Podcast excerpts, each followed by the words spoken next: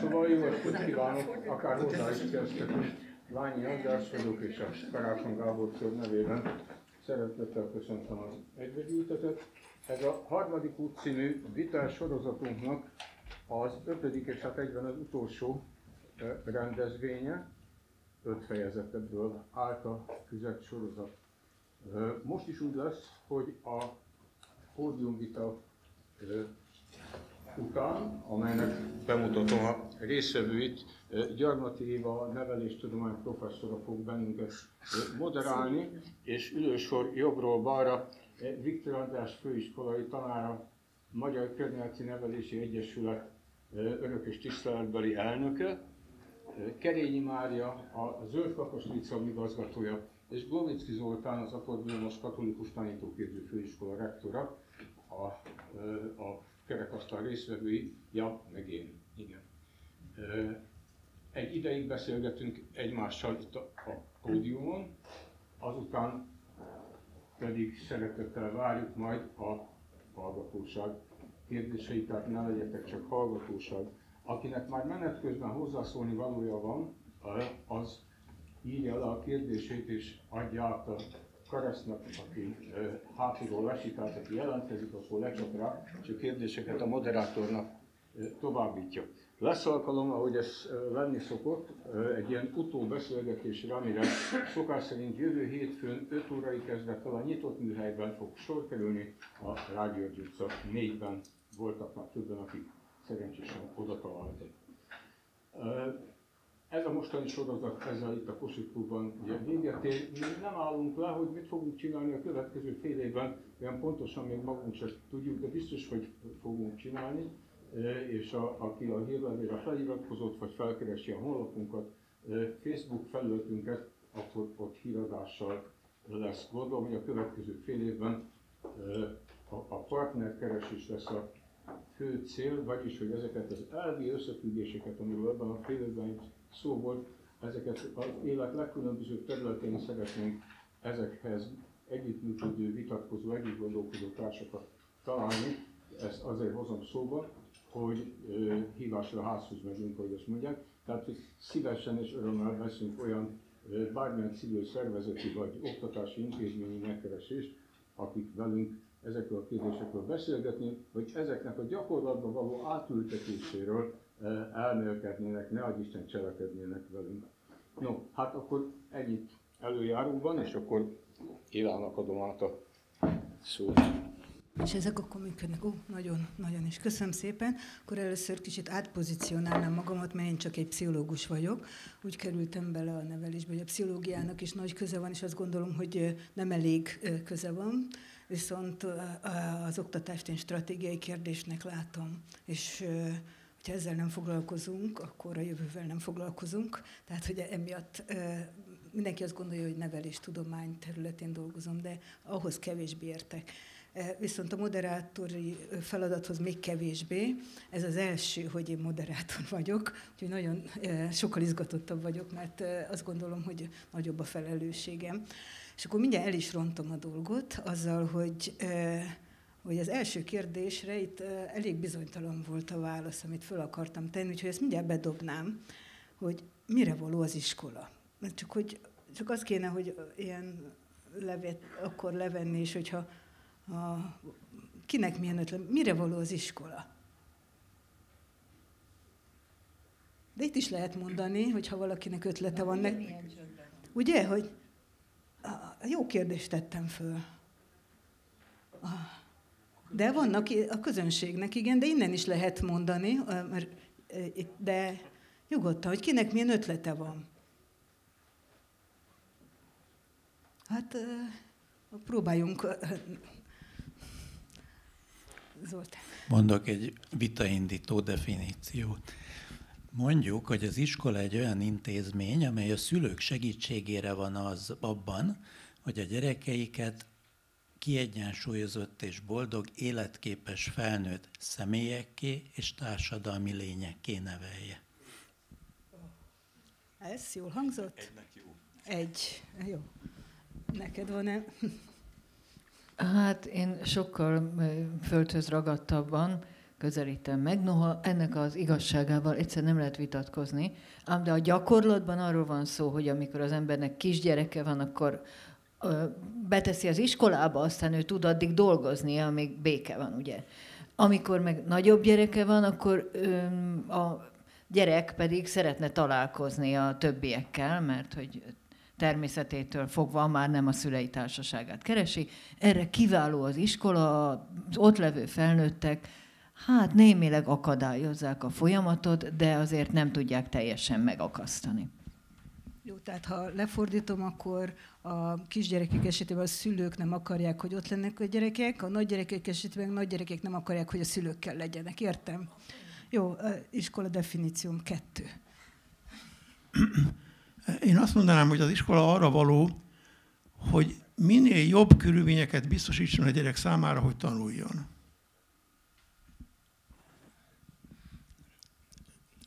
Javíthatatlan pedagógusok milyen gyerekközpontúak. Én arról mondom, hogy ezt nem is definiálni, csak hogy egyáltalán hogy kerül a csizma az asztalra, hogy került ebbe a füzetbe. Szóval, mi ezeknek a rendkívül szeretett utódainknak, gyermekeinknek és unokáinknak egy iszonyatosan nagy káoszt hagyunk örökségbe. Pontosan tudjuk, hogy nem tudjuk, hogy mi fog történni, így azt se tudhatjuk, hogy mire lesz szükségük. Nem ez a legnagyobb baj. A legnagyobb baj, hogy azokat a lehetőségeket se használjuk ki, hogy valahogyan, valamire felkészítsük őket. Felkészítsük őket arra, titeket, de meg, a, meg az utánatok jövőket felkészítsük arra, hogy tudjanak védek, legalább tudják kezelni, tudjanak védekezni az ellen, a sokféle kihívás és szörnyűség ellen, amit a mi, áldás, a mi és az előző nemzedékek áldásos tevékenysége rájuk hagy. Tehát itt ez egy olyan fajta tudásátadásra helyezi át a hangsúlyt, mind a mellett, amiben persze, hogy nektek van igazatok, csak itt ez arról is van szó, hogy fiam, most a halálos ágyamon, mint a szőlős gazda, aki elárulja, hogy szőlőből is lehet bort csinálni. Tehát elárulom, hogy annak az egyik, amit tanítottunk, amiben hittünk, amiben éltünk, annak az egyik fele nem igaz, a másik fele nem működik. És most légy nagyon ügyes, okos és védekezzél. Tehát például önállóan gondolkodni, váratlan kihívásoknak, esküszöm, hogy lesznek az életetekben, nagyon váratlan kihívások, és nem csak az egyéni személyes életetekben, hanem a szélesebb közösség, a nemzet és az emberiség életében is lesznek. És ezekre felkészülni, képesnek lenni arra, hogy egymással szót értsenek, hogy, hogy kotorászanak az emberiség tudásának a kamrájában ismeretlen tudások, mozgósítható tudások után felkészíte erre a mai magyar iskola? Ja, igen, akkor van-e még más ötlet, vagy ez, ez így elfogadható valakinek, hogy mire van az iskola, ki miért jár oda? Mert kell, tudom, tehát hogy ez a, ez a legizgalmasabb dolog. Tehát, hogy végül is kötelező felkészülnünk a jövőre, csak hogy az iskola az eldönti, hogy milyen jövőre. És akkor itt a következő problémám az iskola tartalma. Tehát, hogyha azt mondod, hogy oké, okay, ez mindeddig nem volt jó, de ugyanazok tanítják a fiatalokat, akik eddig kátyúba vitték ezt a világot, akkor hogy is van ez az iskola tartalmával, hogy mit tegyünk bele? Mi, mi kéne, hogy az iskolában legyen? Előveheted egy. Ott van én. Kénytelen vagyok hozzászólni, mert végestelen végig most arról beszéltek, hogy én, mint felnőtt, mi, mint iskola szervezők, tanáros, stb. mit tanítsunk meg a gyerekeknek. Például azért, hogy boldoguljanak a jövőben. Én meg magasról azt mondom, hogy nem az én feladatom az, hogy eldöntsem, kitaláljam azt, hogy mit tanítok a gyerekeknek. Nekem az a feladatom, hogy olyan körülményeket biztosítsak a gyerek számára, amiben ő megtanulja. És még nem tudjuk, hogy mit fog megtanulni, de ő sokkal jobban fogja megérezni azt, hogy mire van szüksége a jövő érdekében, mint én. Mert, mert én, én a múlt eh, száz, században szocializálódtam. Tehát, tehát én áttenném a hangsúlyt oda, hogy az iskola az nem tanító szerkezet, hanem a tanulásra lehetőséget adó hely. Tehát tulajdonképpen az iskola egy tanulási környezet, ahogy itt megjelent korábban is. Jó, és akkor, hogyha azt mondjuk, hogy hogy most egy olyan iskolát szeretnénk, ami a nem ismert jövőre, a nem ismert gyerekeket készíti föl, mert ugye tudnunk kell, hogy, hogy a gyerekek sem olyanok, mint voltak, akkor hogy néz ki az iskola tartalma? Ki, tehát, hogy merre fordítanánk, mert ugye nagyon okosakat akarunk tenni, de azért akkor konkrétan is tudni kéne valamit, hogy mégis mit, merre, mi legyen az iskolában. Mert értem én, hogy, hogy tanulási környezet, de hogy nézzen ki ez a tanulási környezet? Na, ez egy jó kérdés volt. Ó, mert hogy itt ketten is. Én már megint a gyakorlat oldaláról, az egyik, amit szerintem nagyon fontos, hogy az, amit elkezdünk itt mondani, vagy én elkezdek mondani, az jelenleg merőben szembe megy az oktatás irányítás által deklarált ö, dolgokkal, magyarul a kőbevésett és változtathatatlan, ám de feltétlenül a gyermek fejébe gyömöszölendő nemzeti alattanttervel és az abból eredeztetett, még annál is olyanabb kötelező kerettantervekkel. Tehát nagyon, ahhoz képest nagyon renitens lesz, amit mondok, ám de ám de a gyakorlat mondatja velem. Az egyik, hogy a gyerekek azok nem, hogy nem olyanok, hanem még csak nem is egyformák. Ha meg akarom nézni azt, hogy kinek hogy jár a feje, valami elképesztő különbségeket találunk bennük. Azért mondom, hogy gyakorlatból beszélek, mert a Zöldkakas Liceum, a, amelynek az inkább az egyik alapítója, mint már noha név szerint igazgatója volnék, az egy alternatív iskola, és ott megpróbáljuk ezeket egy picit megnézni, körbejárni, eleven gyerekek élő munkáját figyelve. És azt tudom mondani, ehhez nagyon csatlakozva, hogy a gyerek pillanatnyilag, mivel nem olyan, meg még annyira sem, mind kevésbé hajlandó passzívan elviselni azt a dolgot, amit a közoktatás rá projektál, ám de akkor, hogyha nem akarjuk, hogy az életének fontos óráit, napi nyolc órákat, meg fontos éveit hülyeséggel töltse, vagyis hogy kikapcsolja az agyát és védekezzék, akkor a legjobb azt tenni, hogy tényleg megtudni, hogy hát az Isten szerelmére hát mi érdekli. És hogyan is szeretne ahhoz közeledni. Na most ezt, mi ezt próbáljuk, és azt kell, hogy mondjam, hogy elképesztően izgalmas dolgok érdeklik a gyerekeket. Sokszor olyan, amihez sem én, sem más kollégám nem is ért annyira. Úgyhogy ideje egy csomó mindent megtanulnunk. De azt a közeget megteremteni, hogy lehetősége legyen tanulni, azt kell, hogy mondjam, hogy ha egy ilyen közegbe csöppen be egy gyerek, akkor egy idő után elkezd kinyílni, míg egyébként pedig a heves védekezés álláspontját veszi fel. Zoltán? Most, most. Bocsánat. A jövőre készítünk föl, tehát az András által elmondottak szerint a egyik alapvető tartalom az a problémaérzékenység, vagyis a kíváncsiság felkeltése, megtartása, meg olyan stratégiák tanítása, amivel kielégíthetik ezeket a kíváncsiságokat. De azt nem tudjuk, milyen lesz a jövő, ahogy ő is elmondta. Tehát per pillanat, amikor konkrét tartalmat és környezetet keresek, akkor én odáig elmennék mindenképpen, hogy az iskola jobban hasonlítson a valóságra, mint most. Tehát nem ülünk padokba, száz éve ültünk, félreértés ne essék, tehát száz évvel ezelőtti világhoz nagyon hasonlított az az iskola, ami most ugyanolyan, mint száz évvel ezelőtt. Tehát akkor a gyárban szalagok mellett álltak, az irodákban asztalok mellett ültek egyesével, teljesen korrekt volt ez a felállás, ma nem ilyen a világ. Tehát odáig legalább elmennék, hogy hasonlítson a valóságra.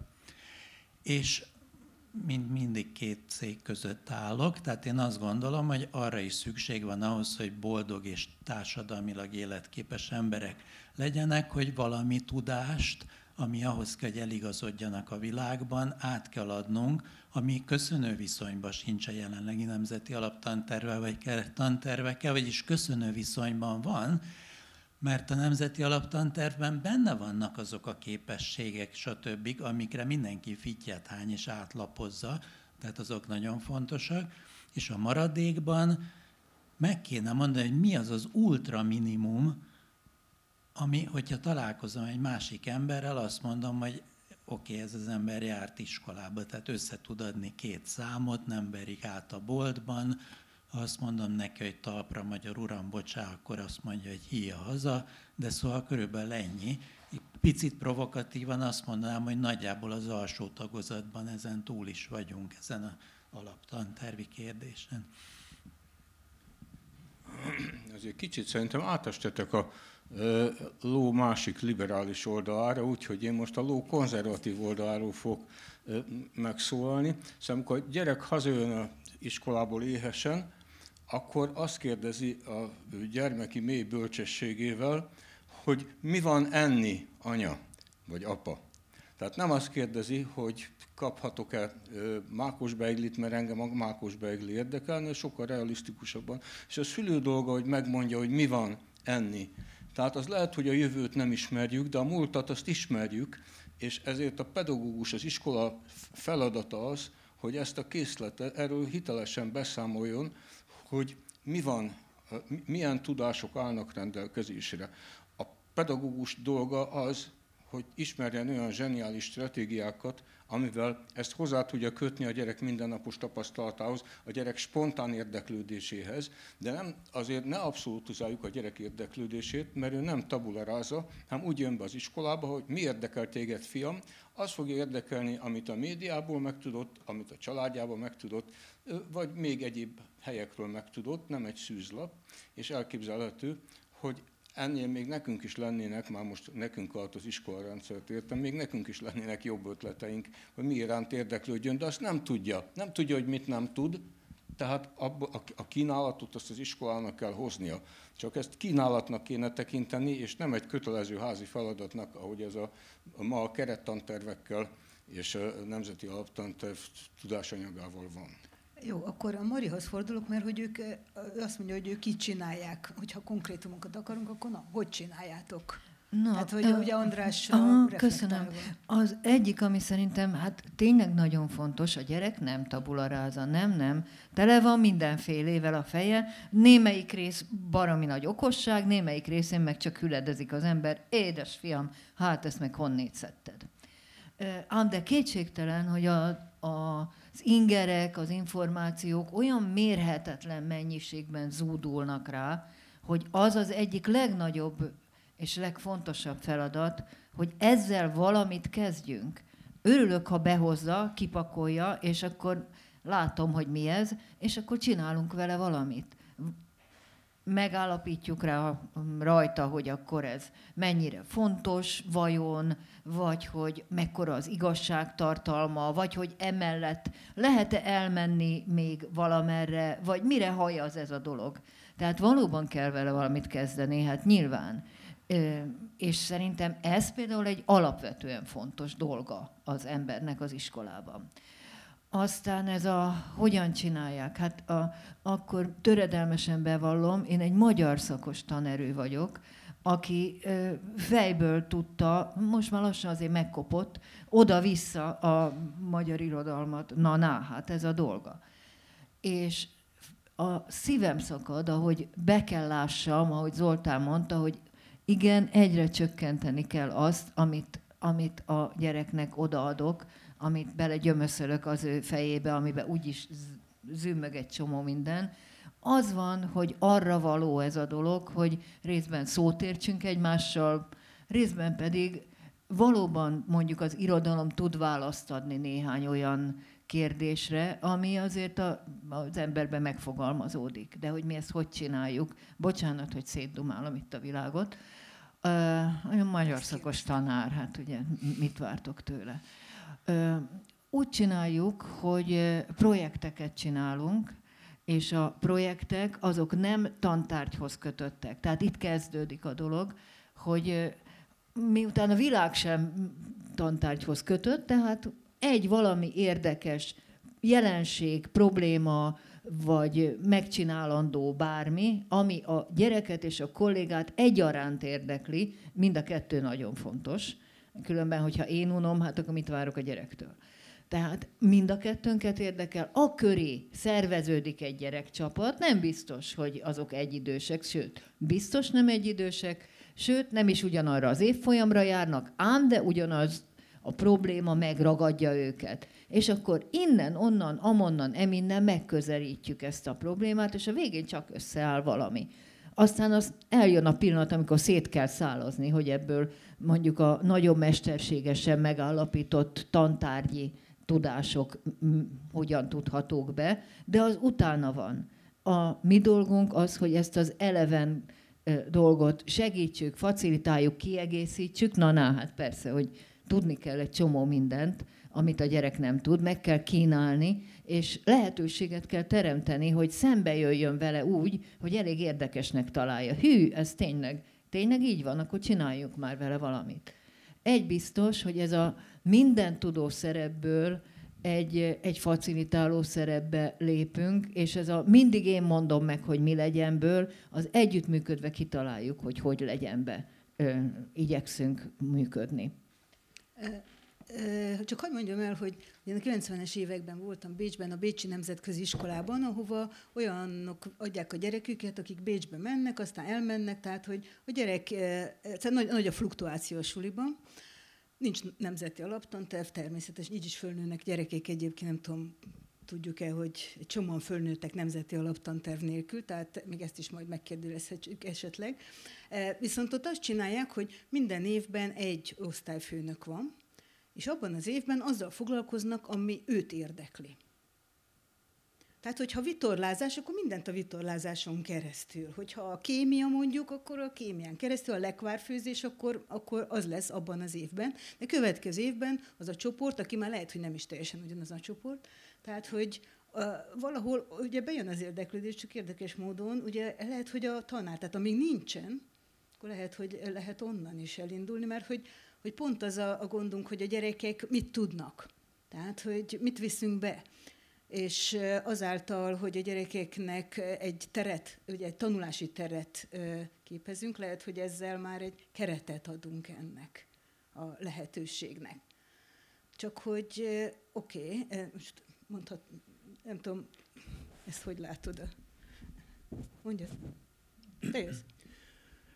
Állandóan találkozunk azzal a mondattal, hogy föl kell kelteni a gyerekek érdeklődését. Erre időnként, erre időnként valóban van szükség, hogy fölkeltsük a gyerek érdeklődését, persze, mert ha én érdeklődöm valami iránt, akkor kedvet csinálok neki az iránt, ha sikerül, hanem. Azonban ez egy nagyon rossz mondás, mert az iskolában alapvetően nem erről van szó. Vegyük tudomásul, hogy a kisgyerek az érdeklődik. Egy egészséges óvodás gyerek minden iránt érdeklődik. De még egy egészséges elsős, másodikos gyerek is minden iránt érdeklődik. Abszolút nyitott. És miért van az, hogy harmadikra, negyedikre a gyerekekből eltűnik az érdeklődés? Mi iránti érdeklődés tűnik el belőlük, és mi miatt tűnik el? Hát az iskolai tananyag törli ki belőlük tulajdonképpen az érdeklődés, mert tapasztalja azt, hogy ő hiába érdeklődik valami iránt, az iskolában nincs idő arra, hogy azzal foglalkozzunk. Tehát ez, hogy föl kell kelteni a gyerekek érdeklődését, ez egy fontos, de kétérű mondás. Szerintem ez, ez át is vezet az, az, az, az intézmény hez. Tehát csupa olyan dolgokról beszéltünk, ami a pillanatnyi magyar iskolarendszer akadályoz, tilt, vagy csak nem tesz lehetővé. Tehát a probléma köz, az, hogy legyen ilyen, miért nincs idő az iskolában, 12 évig ott rohadunk az iskolapadba, és akkor miért nincs ott mindenre idő? Teljesen abszurd a dolog. Tehát az, az iskolába töltött időnek a szabadabb megszervezése, mert nyilván e, erről van szó, amiben a gyerek szabadsága, a tantestület szabadsága, a konkrét tanár szabadsága beleértendő a, a, a tantárgyi határokon átnyúló a projektnevelés, vagy projekti jellegű oktatás. Megint csak, hát hogyan lehetne, amikor nekem a saját tantárgyamba kell strigulázni, hogy ott tartok-e, vagy egy fél évvel le vagyok már is maradva. A, a, a, a, tanár, a segédeszközök kötelező megválasztása. Tehát tényleg nincs más mese, ennek a, a, arról kezdtünk két évvel azelőtt, négy évvel azelőtt, amikor közös nevezőt csináltuk, vitatkozni, Viktor Andis abba is tettes társ volt, meg Zoli is te is segítettél, hogy akkor valamit csináljunk, hogy az ökológia, meg a környezeti nevelés, meg mi kell. És András, te, te győztél meg arról, hogy ez, ez, ez a részletkérdés a maga az oktatásnak a módja, az a szemlélet, ahogyan az iskola működni és működni tud és működni engedi a tanárokat, ezen kell változtatni, és ezen kell habatortán hogy többek között az ökológiai válsággal kapcsolatos nélkülözhetetlen ismereteket se szerzik meg, hiszen az alapok is úgyis hiányoznának hozzá, meg a motiváció is. Mi, mi, minek egy olyan iskolában, ahol úgyis csak a végét várják, és ahol mindenki unatkozik, minek oda bevinni új tudásnemeket. Tehát muszáj erről, erről beszélni, hogy ez, ez hol, hol veszett el, vagy hogy maradt ilyen, hogy miért nem tudott megváltozni az iskolarendszer, miért ennyire életidegen. Van egy olyan idea, talán most már így a 2000-es évek óta kevésbé él bennünk, hogy a magyar oktatás az egy fantasztikus dolog, mert Najman János, Szilárd Leó és stb. stb. De ez egy nagyon fontos kiinduló pont, ugyanis amikor a mi dédszüleink, nagyszüleink iskolába jártak, és amiből sajnos mind a mai napig levezetjük az iskola ideát, lehetőleg a Fasori Evangélikus Gimnáziumban jártak, de most vegyünk egy átlagos gimnazistát. Tehát gyorsan gondoljuk át, 1928-ban vagyunk mondjuk. Mit is tanultak ők 1928-ban történelemből? Magyarból? Biológiából? Kémiából? Fizikából? Informatikából? Inform- és mindezt nyolc évig? Mert ugye ott nem volt ilyen, hogy felső tagozat meg gimnázium, tehát vagy négy elemi és a négy polgári már másról szólt, vagy iskolába járt a gyerek tíz éves korától, és akkor nyolc éve volt arra, hogy azt most vegyük ki fejben a mai tananyagból azt, ami 1928 óta rárakódott, és gondoljuk végig azt, hogy viszont 1928 óta mindent beleraktunk, ami azóta történt. És mind a mai napig úgy születik egy tanterv, nem csak az oktatáspolitika miatt tegyem hozzá, hanem mondjuk a Magyar Tudományos Akadémiának nagyon nagy része van ebben, hogy a tudományokat leegyszerűsítjük. Amikor tananyagcsökkentésről beszélünk, akkor nem arról beszélünk, hogy találjuk ki, hogy mi kell a gyereknek, hanem hogy csináljunk abból még kevesebbet, amitől még érthetetlenebb lesz, teszem hozzá. Tehát ha ma megnéznek egy tankönyvet, ma már például egy történelemkönyv sokszor attól érthetetlen, hogy ki vannak húzva mondatok belőlük, amitől értelme lenne, hogy kevesebb legyen a tananyag. Tehát ez az alapkoncepció. Nem akarlak elkeseríteni, de Ausztriában is van alaptanterv, meg Angliában. Ez egy az külön, angol, angol száz országokban olyan szintű standardizáció van, amitől itt fejreállnánk, de kicsi. Tehát egy kicsi rétegét érinti a munkának, és arra lehet építeni olyasmit, amiről András beszél. Hozzáteszem, megpróbálta Magyarország már ezt a végletet is. Ugye mi ugyanúgy, hogy a politikában egy ilyen bipoláris, mániákus üzemmódban dolgozunk az oktatásban is, tehát a 90-es évektől kezdve teljesen elengedte a rendszer az egész pedagógiát, tananyagot, meg mindent, azért eléggé megütközve állt a pedagógus társadalom azelőtt, hogy akkor mit csináljon. Tehát itt a pedagógus képzés egy nagyon kulcs probléma, mert amíg arra dresszírozzuk azokat a gyerekeket, akik azért jönnek pedagógusnak, mert kompatibilisek ezzel a konzervatív iskolával, és megtetszik nekik, hogy ugyanezt csinálják tovább, és arra dresszírozzuk őket, hogy az a dolguk, hogy megtanítsák azt az írdatlan sok mindent, amit az egyetemen megtanulnak, addig ők zavarban lesznek, ha a munkájuk 90%-át nekik kell kitalálniuk. Tehát itt is van egy kis hiány, de valójában talán erre vezet az út. Akkor, a, akkor a pedagógus képzés menjünk ebbe az irányba? Vagy mondjad, ha ehhez még... Nem, a pedagógus pályára Pálya. szeretném ö, egy picit, hát azt mondani, hogy nyilvánvaló, hogy az is bolond, aki pedagógussá lesz Magyarországban, hogy idézek egy klasszikust kicsit átírva. Tehát jelenleg, aki tanárnak kíván lenni, akkor az, azt gondolja az ember, hogy megvan ez őrülve. És jelentem, igen, van olyan, aki meg van őrülve. Hála a jó Istennek. Tehát vannak olyan, okos, szép, értelmes fiatal emberek. Éppen pénteken találkoztunk egy adag egyetemistával, akik arról óhajtottak konzultálni, hogy hogyan is kell például magyar tanítani. Tehát vannak ilyen emberek. Nem azért vannak szerintem, mert hogy olyan nagyszerűen nagyszerűek vagyunk mi ugye öregek, hanem hála Istennek az élet él és élni akar. A, örüljünk neki. Egy biztos, hogyha a pedagógust nem tekintjük ö, értelmiséginek, akkor kutyafüle az, ami tud történni. Tehát az a nagybánatos igazság, hogyha arra képezünk egy fiatal embert, és tudja az ifjú, az most érettségiző gyermek, tudja, hogyha ő tanárképzőbe megy, akkor ott neki megtanítják, hogy mit kell majd tanítania. Hát ki a bánatnak van erre kedve? Az Isten szerelmére. Hát senki, normális embernek nincs.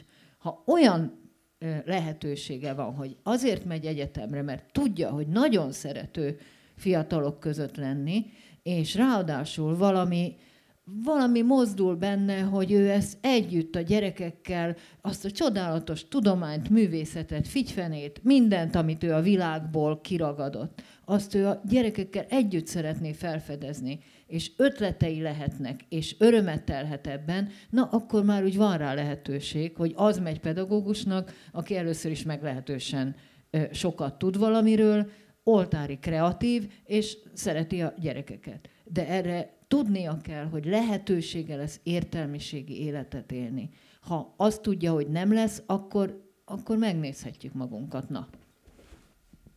Mondja. Szabad? Persze, hogy Ezt a gondolatot szeretném folytatni azzal a megjegyzéssel, vagy kifejezéssel, hogy szabadság. Tehát azt gondolom, hogy az iskolának, a tantestületnek és a pedagógusnak vissza kellene, vagy meg kellene adni a szabadságot. Mert az egész nemzeti alaptanterv, meg főleg a kerettanterv kérdése arról szól, hogy előírom neked, hogy mit tanítsál meg. Hát miért kell azt neki előírni? Tehát lényegében valami fajta bizonytalanság, vagy bizalmatlanság van a dolog hátterében. A főnök, a miniszterelnök, vagy a miniszter, vagy nem tudom kicsoda, nem hiszi el, hogy a pedagógus magától is, előírás nélkül is, kötelezőség nélkül is meg fogja, meg fogja tanítani Petőfi Sándort, meg amit fontosnak tart. Tehát valami, valami bizalmatlanság van az egész iskolarendszerben, nem csak nálunk, ez ugye világszerte, ezért van eh, nemzeti alaptanterv, meg keretanterv. A társadalom előírja a pedagógusnak, hogy ő mit csináljon. Valamennyire persze lehetséges, hogy elő kell írni, de ennyire nem. Tehát a, sokkal nagyobb szabadságot kell adni a tantestületnek, meg a tanárnak, meg a gyereknek.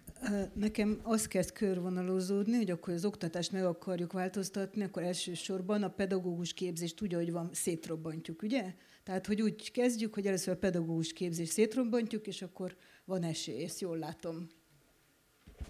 Bocsánat, már még én, én nem így gondolom, én azt gondolom, hogy nem a pedagógus képzésnél kell kezdeni ezt a fajta szemléletváltást, mert kezdhetem én ugyan, a, a, a, mert én tanárképzésben dolgoztam, kezdhetem ott, hogy modern szemléletű pedagógiát képviselek, vagy közvetítek a hallgató felé, de egy, tudomásul kell vegyem, hogy egy másik iskolarendszerben szocializálódott, tehát nagy kérdés az, hogy érti-e azt, amit én mondok. Kettő, ha ő be is vette azt a modern szemléletet, amit szeretnék neki sugalni, és visszamegy az iskolába, akkor egy olyan tantestületbe kerül bele, amely szintén idegen ezzel a gondolattal, tehát, tehát ez nem működik. Én azt gondolom, hogy az, az működhet, ha, ha, ha az iskolákat szabadítjuk föl.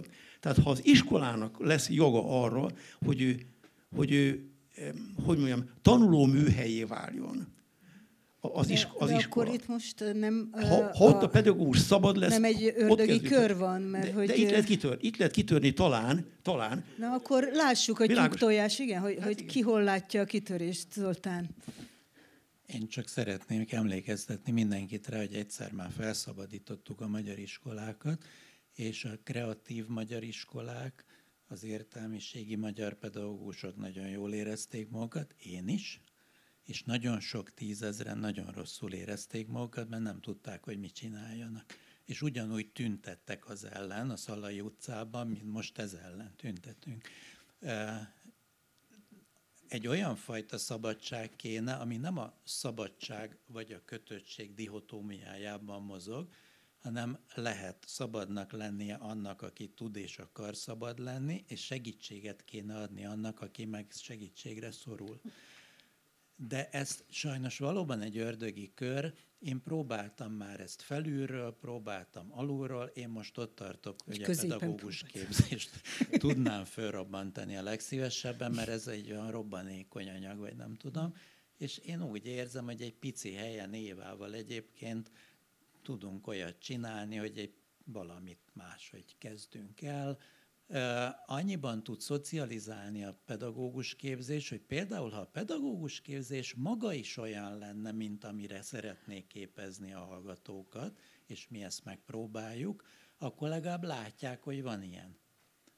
De az, hogy bejönnek valahonnan, visszaküldjük őket ugyanoda, mi is azt csináljuk, de közben azt mondjuk, hogy nem így kéne, abban igaza van Andrásnak.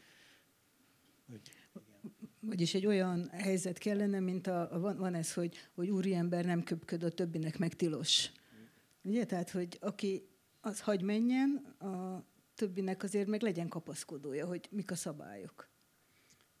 Szóval szerintem nem rossz a pedagógus képzéstől kezdeni, mert végül is mit gondol, ki csináljon forradalmat az iskolába, hogyha nem a képzéseitekről kikerült fiatal pedagógus. Majd felülről megmondják neki, vagy a társadalmi megrendelés, abból nem lesz semmi. Tehát igenis, de azért, hogy a tyúktojást feloldjuk, tehát egy rendszert csak rendszer szinten lehet változtatni, tehát úgy, hogyha a rendszer minden eleme tud változni. Tehát nyilván ak- akkor úgyse lesz előbb szabad, kreatív pedagógus képzés Magyarországon, mint amikor az oktatási rendszer maga is hogyan alkalmat ad, alkalmat kínál majd az iskolai munkában, hogy a, amit itt megtanultak, azt megvalósítsák. De mindehez, tehát mindenben igazatok van, de azért én hozzátenném a prózát. Amikor 1990-es évek elején én töredelmesen bevallom, a Fidesz kultúrpolitikai tanácsadója voltam a parlamentben, és akkor megkérdeztem, bár az oktatást nem hozzám tartó, de nagyon izgatott, és megkérdeztem, és akkor megkerestem néhai barátomat, Vekerdi Tamást, és elmondtam meg, hogy nekem milyen szép elképzeléseim vannak arról, hogy miket kéne beleírni egy oktatási reformtervbe, és mondtam, és erre a Tamás azt mondta, hogy ez mind hülyeség, hagyjad, az oktatási reformnak egy mondatból kell állnia a pedagógusok fizetését 100%-kal megemeljük. Addig nagyon csalódott voltam, hogy ez az intelligens, szellemes, nagyszerű pedagógus ez ebben fizet ki engem, és aztán elmagyarázta, hogy az az iskola, amiről mi képzelődünk, az nem működne, olyan pedagógusok nélkül, akik viszont nem mennek el ezért a fizetésért tanítani. Tehát igenis az első lépés az a százszázalékos fizetésemelés, és hozzátenném a kötelező óraszámnak a csökkentése, amit a füzetbe úgy fogalmazta meg, a kötelező óraszámnak nem a alsó határát kell megszabni, hogy már pedig legalább 21 órát letanítsz, az fiam egy héten különben nem műző, hanem a felsőtől meg ne próbálj nekem 18 vagy nem tudom hány óránál többet tanítani egy héten, mert akkor te nem akarsz rendes minőségi munkát végezni. És érdekes módon ez még egyetlen oktatáspolitikai kurzusnak se jutott eszébe 90 óta, hogy a maximálja és ne a minimumot állapítsa meg az óraszámba. Tehát ilyen módon túlterhelt, kiégett, kizsigerelt, alulfizetett, szerencsétlen, kontraszelektált szerencsétlenekkel semmit nem lehet csinálni az iskolarendszerben. És ez, ez, ez akkor ez egy oktatáspolitikai csomag már. Hát sok mindent próbáltunk már, úgy néz ki, hogy a, a reformok mégse annyira működnek. Meg hát nem tudom, erre nekem mindig azt mondják, én is azt mondom, két-háromszorosra szeretnénk emelni, ugye a véreket, tehát hogy so, ennél sokkal jobban. De, de mi, er, erre szokták mondani azt a sztorit, hogy, hogy mi van, hogy, hogy tud úszni, nem, és ha megfizetem, tehát hogy mégiscsak menjünk vissza oda, hogy pedagógus képzés, de, de hogyha jó, nem vagyok elég vasközi, mondja Mari. Köszönöm, azért ragadtam magamhoz, mert hogy tényleg milyen állati nehéz azért azt mondani, hogy, hogy itt ragadjuk meg a dolgot, meg ott ragadjuk meg, hiszen hogyha csak egy helyütt ragadjuk meg, akkor az összes többi miatt, többi elakad a, a gátokon. Ha elakad a pedagóg, ha a pedagógus képzés a csodálatossá válik, ám de az iskolák olyanok, amilyenek, akkor megette a fene, kimegy a végzett ö, ifjú titáni, és, vagy titánia, és akkor jó kinéz. Ott van, és bele... Igen, a virágnő a szívébe, csordanépek jönnek, s lelegelik, értjük. Na, de hogy az viszont... Hát, már mindenről minden. Hanem, hogy tényleg úgy van, hogy, hogy a műhelység, a műhelyszerű működés szerintem azért mindenhol mindenhol jól tud funkcionálni. Úgy az egyetemen, és milyen, milyen jó, hogy Vekerdi Tamást emlegetted, nekem is persze ő jutott az eszembe, méghozzá az a mondása, hogy ahol untatnak, menekülj onnan. Tehát ez a, ugyanúgy érvényes az általános, a középiskolára, mint ahogy az egyetemre. Tehát nem lehet módszertan tanítani unalmasan. Hát ez nyilvánvaló. Ha, ha úgy csinálják, akkor az kutyafát se éri. Na, ám de, hogyha mégiscsak vannak ilyen műhelyek, igen, mint ahogy az Aporon elindult az atipikus módszertani központ, ahol az atipikus fejlődésű gyerekekkel foglalkozni kívánó pedagógusok gyűlnek össze, és ott valami nagyon izgalmas történik. Nem az egész egyetemi oktatás megreformálása, de valahol ott összegyűlik egy kupac ember.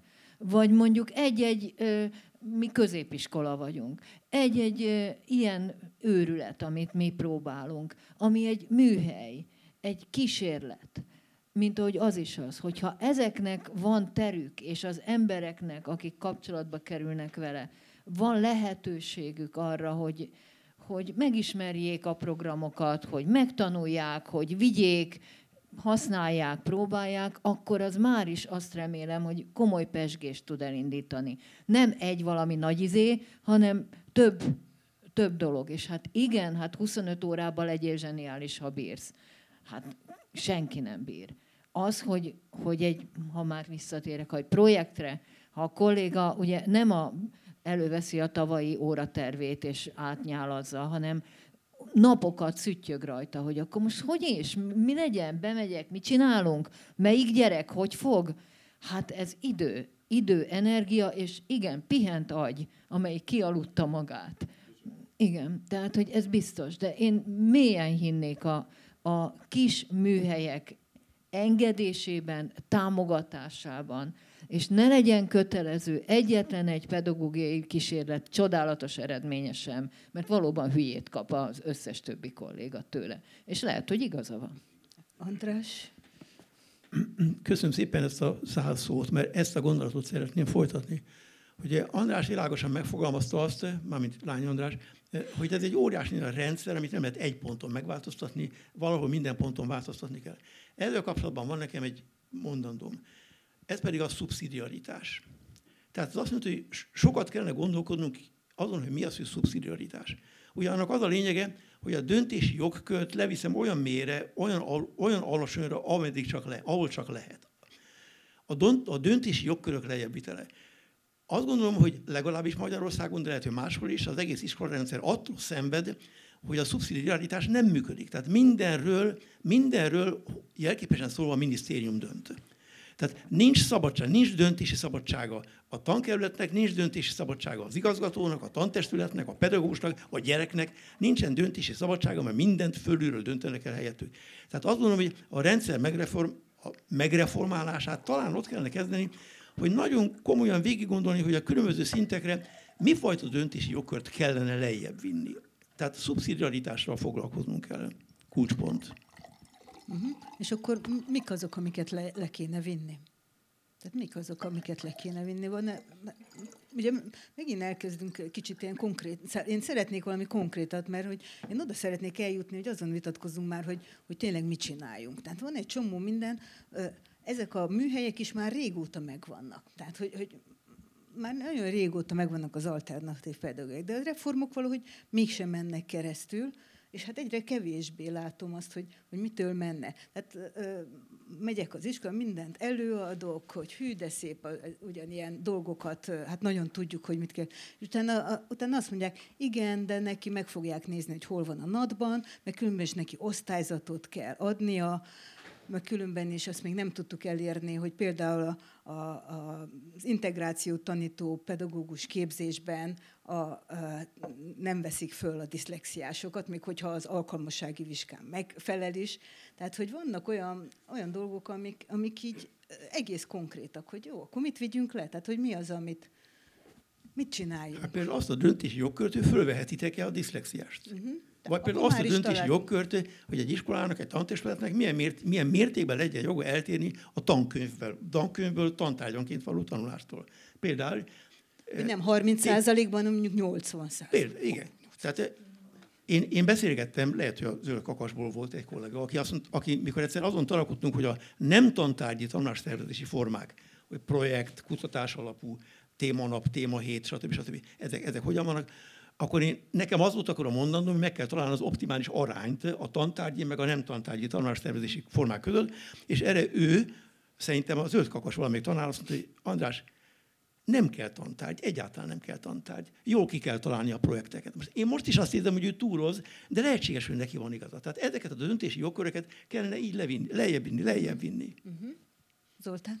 Abszolút, igen, és nagyon fontos, amit András mondta, hogy ez nem azt jelenti, hogy mindent a tanárra, tanárig kell levinni, hanem tankerületig, ha az van, tehát fenntartó is, stb.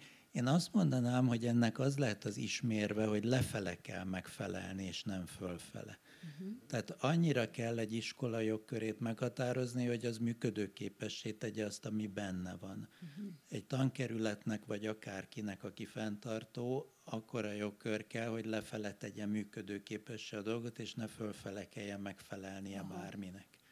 Uh-huh. Akkor ez most egy nagyon fontos felvéve, megörökítve, jó? Ez, ez, ez nagyon izgalmas gondolat, akkor ez, hogy ez így lefő, mert hogy eddig arról volt szó, ugye mindig bevezettünk reformokat, és ezek nem működtek. És akkor, akkor valamiért nem. Most lenne azért még mindig egy-két olyan terület, ha mondjuk levisszük ezeket a döntéseket, ez egy jó dolog, de akkor is ugyanazok a tanárok vannak a felsőoktatásban is, ez az egyik, és azért, hogy tegyem a másik oldalát is, hogy ugyanazok a szülők vannak, akik szintén eh, nem úgy szocializálódtak, hogy, hogy a zöld kakasnak a módszertanát hirtelen itt országosan bevezetjük, most, hogyha valami csoda folytán a pedagógusok mondjuk eh, erre képesek lennének, amit megint azért nem gondolunk. Tehát, hogy eh, hogy induljunk el?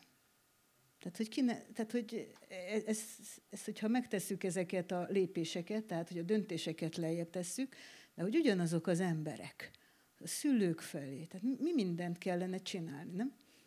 Nem. Akkor, akkor mi a... Szerintem a szülők a legprogresszívebb társaság uh-huh. per pillanat. Tehát én ötgyerekes apaként, ezt egy hete mondtam ezt a hasonlatot, hogy egy főnix madárként élem az életem, hogy minden este bele halok a házi feladatokba, és aztán reggel összeszedem. A... Na, szóval a szülők egyrészt egy picit elengedték azt a problémát, hogy, hogy mi van, szeretik, ha jól érzi magát a gyerek az iskában, nem piszkálják, nem kap egyest, és valahogy elér a végéig. Én azt gondolom, hogy annyira látják a szülők, hogy mennyire alternatív univerzum lett egy átlagiskola az élethez képest, hogy ők is arra utaznak, hogy túl legyen rajta a gyerek valahogy, uh-huh. és eléri azt a célt, hogy kijön a cső végén, és aztán bemegy a következő csőbe, tegyük hozzá. Úgyhogy én, én a szülőktől nem félek ilyen szempontból, ha nekik azt mondja egy határozott iskola, egy műhely, egy pedagógus, hogy ezzel így el fog érni oda, hogy egy normális gyereke lesz, akkor ez nem gond. Uh-huh. A hatalomgyakorlással kellene kezdeni nyilván, tehát ilyen lépéseket megtenni, és egyetértek Lányi Andrással abban, hogy ehhez a pedagógusokat kéne megnyerni először. Uh-huh. Tehát az oktatási reformok szerintem alapvetően azon csúsztak el az összes akármilyen irányba, hogy mindegyikre fújtunk mi pedagógusok, mert mindegyiket ránk akarták erőszakolni, még a szabadságot is. Uh-huh. Mondjad, és, és mindegyiket azonnali hatállyal, és mindegyiket olyan előkészítés nélkül. Tehát egy normális oktatási reform előtt azért pár éven keresztül rendszeres kutató munka folyik, több egymással vetélkedő kutató műhelyben arról, hogy mit kellene csinálni egyik vagy másik területen. Ez soha egyetlen egyszer se fordult elő. Mi, minden, én két nemzeti alaptanterv szövegezésében is benne voltam, és mind a kétszer rögtönöztünk, ilyen inkompetens, hozzámértő emberek is be tudtak tolakodni a társaságba, és majdnem mindegy volt, hogy mit csináltunk, mert amit a legnagyobb jó indulattal csináltunk, azt jött egy telefon a minisztériumból vagy a miniszterelnökségről, és akkor azt úgyis egészen másképpen kellett csinálni, vagy jött egy, egy akadémiai lobbitól egy hosszabb furás munka eredményeképpen egy, valahogy egy határozat, hogy mindazt vissza kell raknunk a tantervbe, amit már-már eredményesen kihúz, kihúzdigáltunk belőle. Hát akkor meg. Szóval, azt a múltkor elsütöttem azt a poént, de ezt direkt ismételgetem, hogyha egy ökológiai, vagy ilyen zöld szellemű párt kormányt alakít, akkor a hatalomra kerül, akkor az első dolga az, hogy megvizsgálja, hogy hogyan tud ettől a hatalomtól megszabadulni. Magyarán, hogy visszajuttatni, és azt a nagyon kemény problémát, hogy a hatalom melyik részét kinek juttatod vissza. Most ugyanazt mondom, mint a Viktor Andis, csak felülről. Tehát az egyszer egy politikai döntés kérdése, hogy a helyi önkormányzatnak, mint iskola fenntartónak, a szakigazgatásnak, oktatási szakigazgatásnak, a szülőknek, iskolaszéknek, hogy kinek milyen hatalmat biztosítok, mert az iskola fölött mindig lesz egy társadalmi harc. Hát az egyik leg elevenebb érdekem az, hogy a gyerekem megfelelő képzésben részesüljön. Tehát itt különböző, gyakran ellentétes érdekű társadalmi csoportok fognak vetélkedni, ahhoz kell egy tárgyalási helyzetet megtartani, hogy ezek mind beleszólhassanak, de az utolsó szó a pedagógus legyen, és egyáltalán csomó minden az ő hatásköre legyen. Hiszen itt mindegyiknek más egyik finanszíroz, a másik nem tudom mit csinál, szóval mindegyiknek más a hatásköre, jog, jogszabályok betartását ellenőrzi, de a konkrét tanítási, nevelési részt meg minél inkább nyilván a pedagógus társadalom hatáskörébe kell tartani. Mariuk. Köszönöm szépen. A két dolog, az egyik akkor először ehhez, hogy tényleg így van, hogy a mindenféle oktatási reformok elindulnak, és akkor megy, és nem lesz belőle semmi. Valójában, hogy mind törik meg, igen, a pedagóguson törik meg. Bizony, a pedagógus az egy ilyen jószág. És azt kell, hogy mondjam egy picit a védelmébe is ennek a társaságnak, hogy a pedagógus az egy keményfejű, az egy betokosodott, az egy, nem tudom, valamilyen irányba beállt és abba maradó lény, és az összes oktatási reform meg tud törni rajta, igen, viszont az összes baromságot nem hajtja végre, azért áll még a közoktatás. Ez a helyzet. Tehát, hogy az az igazság, hogy az a Marinéni, akinek lehet mondani ezt is, azt is, de ő tudja, hogy kell megtanítani, akkor az meg fogja azt tanítani, azt jó van. Tehát ez egy nagyon két, két oldalú dolog. És a szülőkkel kapcsolatban pedig, hogy csak behozom ide, és ezt a fogalmat egy kolléga nem találta ki, hogy az iskolákban, mármint hogy például nálunk, egyre több az úgynevezett oktatási menekült. Ami azt jelenti, hogy egy olyan gyerek, akinek a szülei például nem óhajtanak semmi különleges dolgot. Azt szeretnék, hogy a gyerek legyen, érezze magát jól, azt ne nagyon gyötörjék meg őt. Olyan gyerekről van szó, aki tulajdonképpen egész jól elmuzsikálna, hogyha csak egy icipicit, ha egy árnyalatnyi több figyelem jutna rá, ha nem 35-en kellene 40 órát benpenészednie, szóval ha nem egy, nem egy lehetetlen helyzetbe volna, akkor köszöni szépen, el volna, és megtanulna a magyart, a matekot, a kémiát, és akkor azt tudná, és kész. De hát olyan lehetetlen helyzetben van a közoktatás, hogy ezt a szülők is látják, hogy megzakkan bele a gyerek. És akkor lesz belőle valóban oktatási menekült, aki azért megy el valahova, ahol egy picit jobban figyelnek rá. Nem kell ahhoz nagyon alternatív hely, csak egy kicsit szeressék már ott azt a gyereket. A kollégának ne legyen 26 órája, és legyen ideje megsimogatni a kis buksiát ne 50-en, ne, a jó, ne 36-an üljenek benn, hanem üljenek ott 15-en, és tudja a nevét a kolléga a gyereknek. Ennyi igénye van nagyon sok szülőnek. És azért, ha belegondolunk ebbe, van valami nagyon, hát nem tudom, valami ilyen lehangoló, hogy hát ennyit akar, és emiatt nyakába veszi a világot, hogy találjon ilyen helyet. És akár kemény pénzeket is fizet, mert hogy a közoktatásban nem leli ezt a helyet. Ez azért szerintem inkább, inkább szomorú, mint örömteli. Ez engem nagyon megfogott ez a helyzet, hogy hogy akkor azt mondod, hogy tulajdonképpen bármit csinálunk, Mari néni majd tudja, hogy, hogy így kell tanítani. És hát Hát igen, tehát azért fogott meg, mert hogy én ezt megtapasztalom. Tehát, hogy, hogy, ez, ez valóban úgy működik, hogy tulajdonképpen a pedagógusok viszik el a hátukon, hogy egyáltalán még megy. De azért megy így, mert így viszik el. És akkor van egy ilyen visszacsatolása is ennek, hogy nem derül ki, hogy ez az egész már rég nem működik. Mert hogy a visszajelzés, a Marinéni valahogy megtanította a gyerekek többségének, de egyre kevesebbnek mondjuk, de azért, tehát hogy, hogy azért ez így, nem látom, hogy mi, mi fogja megmozdítani ezt az egészet ezek után. Összedől ez magától.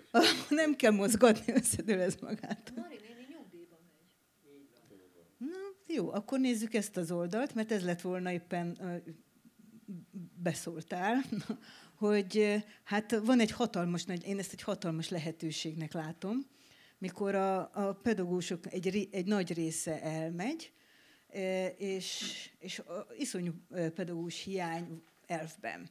E, gyakorlatban nem biztos, mert hogy ugye tudjuk a magyar oktatásról, hogy ez nagyon sok a pedagógus benne, igazából, csak rosszul oszlik el. Tehát nyilván itt azért sok mindent lehetne tenni, de hogy hogy mi lenne ez a, tehát hogy e, ez egy lehetőségként látjuk, de ugyanakkor egy nagy félelem is. Mert hogy ki kell fogni föltölteni azokkal, akik most jönnek a pedagógus képzésbe, akik között nagyon sok kiváló van, de azért valljuk be, hát e, a fizetési kilátások, stb. Tehát, hogy e, itt mit, mit fogunk csinálni? Hát egyáltalán az egyébként azért így körülnéztem, és azt láttam, hogy a, a férfi-nő arány nem szokásos pedagógusi.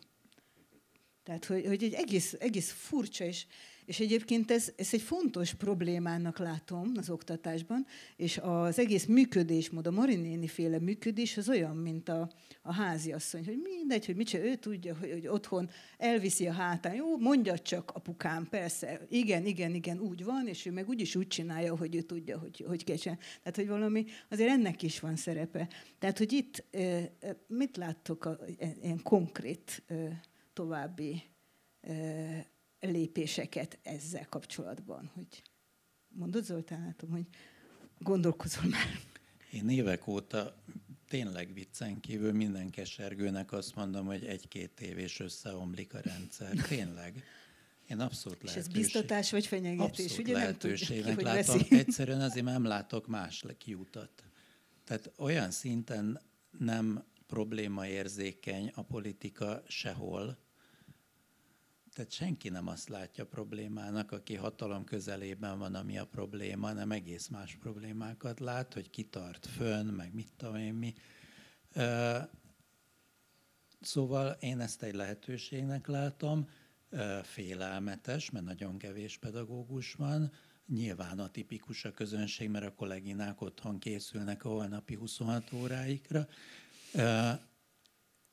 de abban igaza van Évának, hogy nem az oktatásban nincs sok pedagógus, de az országban igen. Ugyanis minden évben a végző pedagógusok kétharmada nem pedagógusnak megy de pedagógus végzettsége van. Most ez más kérdés, hogy az előbbi beszélgetés foszlányok alapján mennyire van fölkészülve arra, hogy pedagógus legyen, de hát ezzel az erővel akár lehet is. András? Mivel az egész világon a az értelmiség vagy a vezető réteg egy, egy olyan iskolában nőtt föl, szocializálódott, amit mi most szidunk. Ezért értető, hogy ők nem igen tudnak más, mit, mást elképzelni. Tehát itt egy rettentő nagy, hogy mondjam, tehetetlenség van. Az egész világon mindenki ezt az iskolát akarja valahogy megjavítani.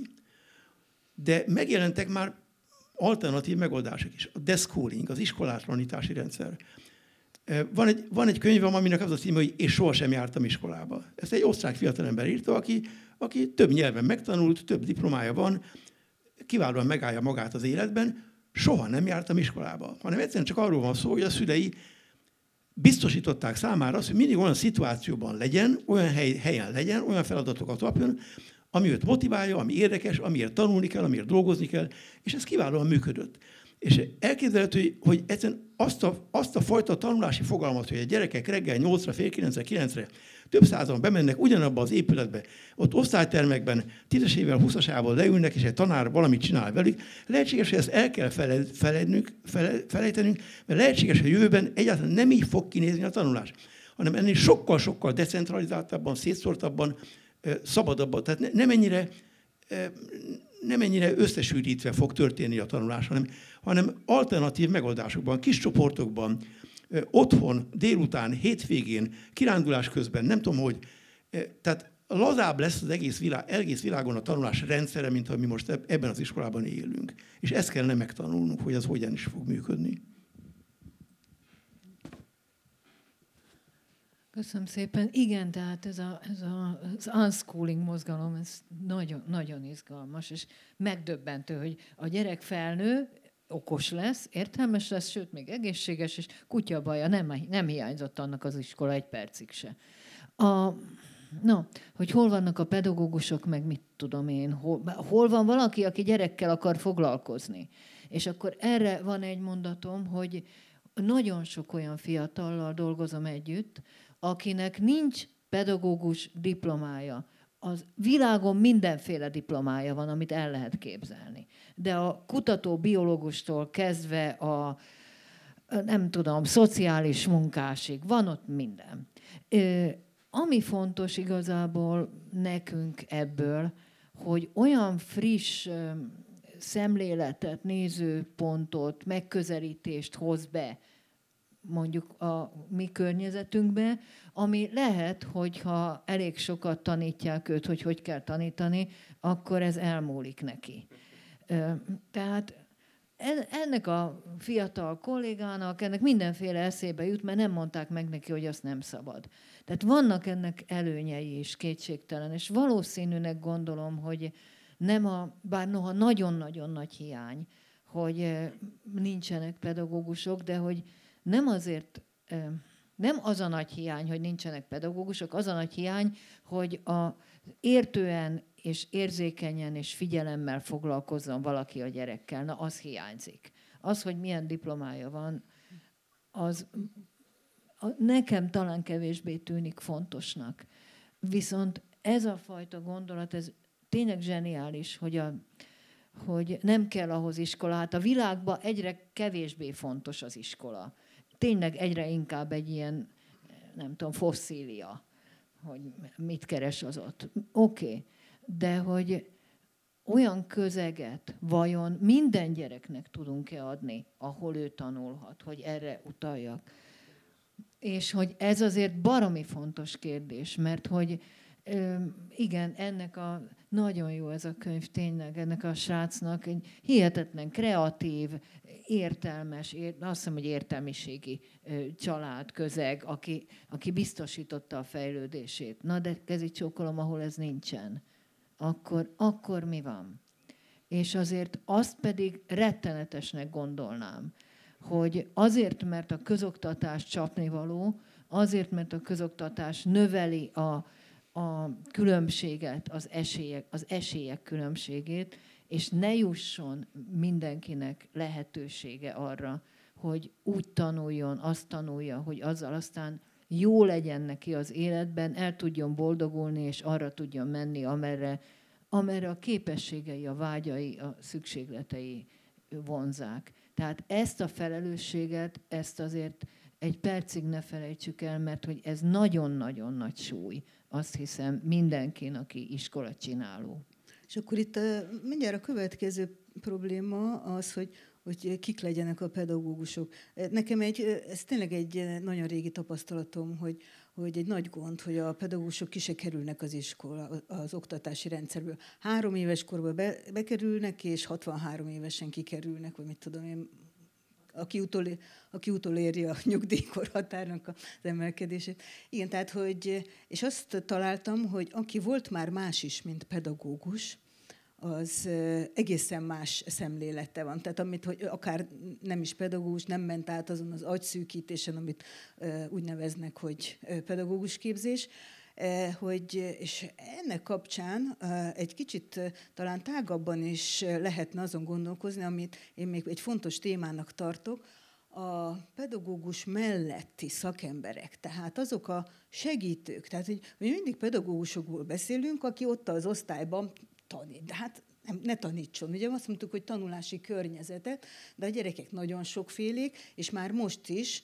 ugye ha sokféle gyerek van, azért az egyiknek egy, minimum a pedagógiai asszisztens. Tehát, hogy ez a minimum. De lehet, hogy, hogy abban kéne gondolkozni, hogy a pedagógus képzésbe egyre több olyat bevonni, aki nem pedagógus. Tehát, hogy ezt az unschoolingot, mint egy segítő személy, egy, egy ilyen hálózatot fölépíteni. Milyen lehetőség lehet ez, hogy, hogy mit gondoltok erről ki? Hát általában a segítő, hogy milyen arányban, vagy hogy néz ki.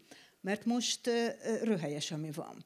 Tehát az, hogy papírral rendelkezünk, most papíros gyerekek ugye mindenféle bajjal, kéne oda mellé egy, egy minimum egy pedagógiai asszisztens vagy gyógypedagógiai asszisztens, de az sincsen, nincsen fejlesztő pedagógus, tehát hogy, hogy itt nem biztos, hogy konkrétan az osztály tanítók, meg az osztály tanárok azok, akikből még több kellene, vagy hogy, hogyha kimennek, akkor od, arra kéne tágítanunk. Ez a kérdés, hogy, hogy mit csinálnátok ezzel, a, a, hogy egy ilyen holdudvart a tanulás köré. Zoltán. Itt Lányi András megoldása már megszületett.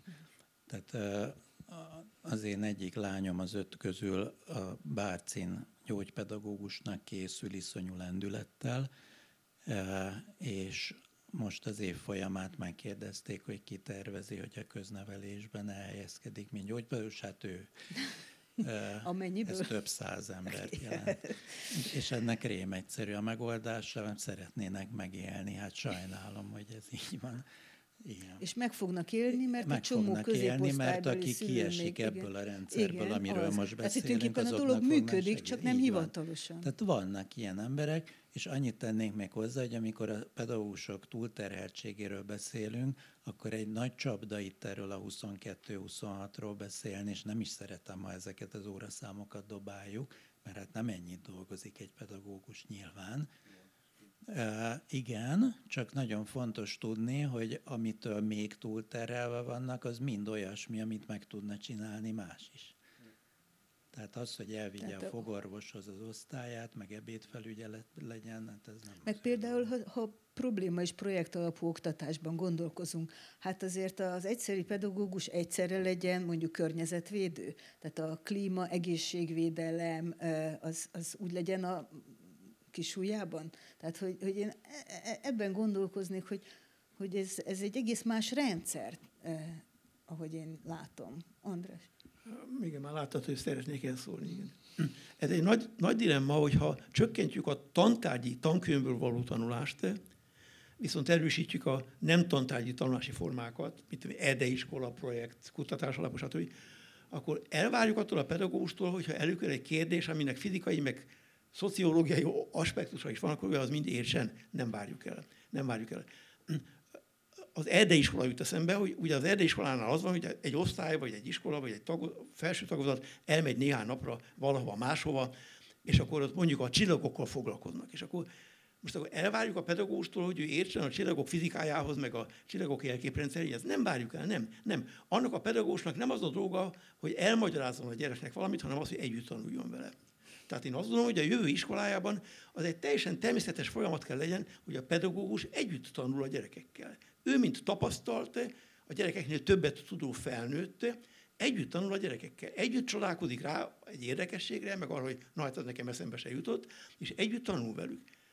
És, és igen, tehát, tehát ő, ő ott nem fizikatanárként van, hanem érdeklődő felnőttként van. Uh-huh. Vagyis ez a, a projektben. A tulajdonképpen egy tanulás szervező, aki nem a tananyagot I, tudja, hanem a gyerekek, a gyerekeket. Ő ott facilitátor, mentor, folyamatszervező, uh-huh.